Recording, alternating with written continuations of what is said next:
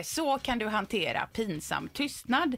Eh, och det är fem olika tips då på andra pinsamma situationer också. Men när samtalsämnena tar slut och pinsam eh, tystnad uppstår så säger han så här, jag skulle säga att det finns två sätt. Det ena är att utnyttja tillfället. Tystnad är inte farligt och du behöver inte säga någonting. Nummer två är att säga, oj vad tyst det blev.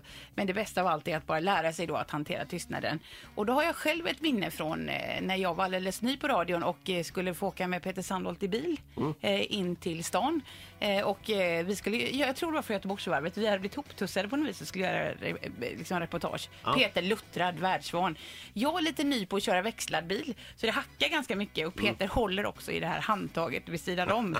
Han är alltså så rädd. Och, Det minns inte jag. jag tror nästan det var en av de första gångerna jag träffade dig.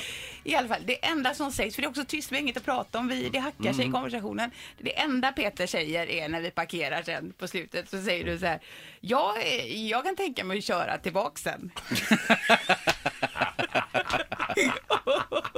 Det sa det mesta du. Ja, det, jag kör, Fy, vad dumt. Ja, vad roligt. Ja.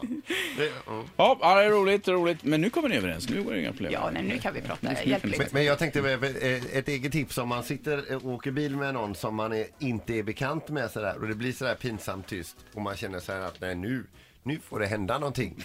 Då är det alltid bra att kläcka ur sig jag mår inte bra. Ja, vad, vilket bra tips. Ett poddtips från Podplay.